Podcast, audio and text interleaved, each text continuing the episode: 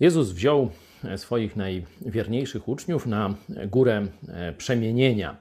I wtedy no, on e, jaśniał, zmieniło się jego ciało tak, jak teraz jest w niebie.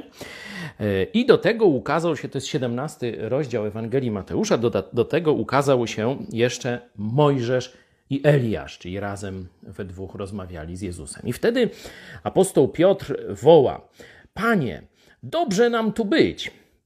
Rozbiję tu trzy namioty. Jeden dla ciebie, jeden dla Mojżesza i dla Eliasza też jeden. Myślę, że ma dobry pomysł.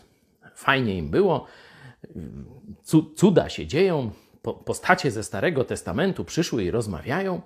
No, to on stwierdził, że każdego równo obdzieli dla Jezusa i dla tego, i dla tego. I w tym momencie zobaczcie, co się dzieje. Gdy on jeszcze mówił, oto obłok jasny okrył ich, oto rozległ się głos z obłoku. Ten jest syn mój umiłowany, którego sobie upodobałem. Jego słuchajcie. No, oczywiście oni tam padli ledwo żywi ze strachu. Jaka dla nas jest lekcja? Zobaczcie, apostoł Piotr chciał zrównać Jezusa z wielkimi ludźmi Starego Testamentu, największymi. I został strasznie skarcony, tak że się mało nie. Trzy kropki. Jezus jest jedyny ponad wszystkich. Nie można go z nikim innym zrównać. A teraz, jakie jest zastosowanie tego dla na przykład naszych katolików w Polsce, którzy wyżej niż Jezusa stawiają człowieka?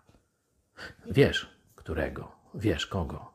Co by powiedział Bóg, gdyby coś takiego zobaczył?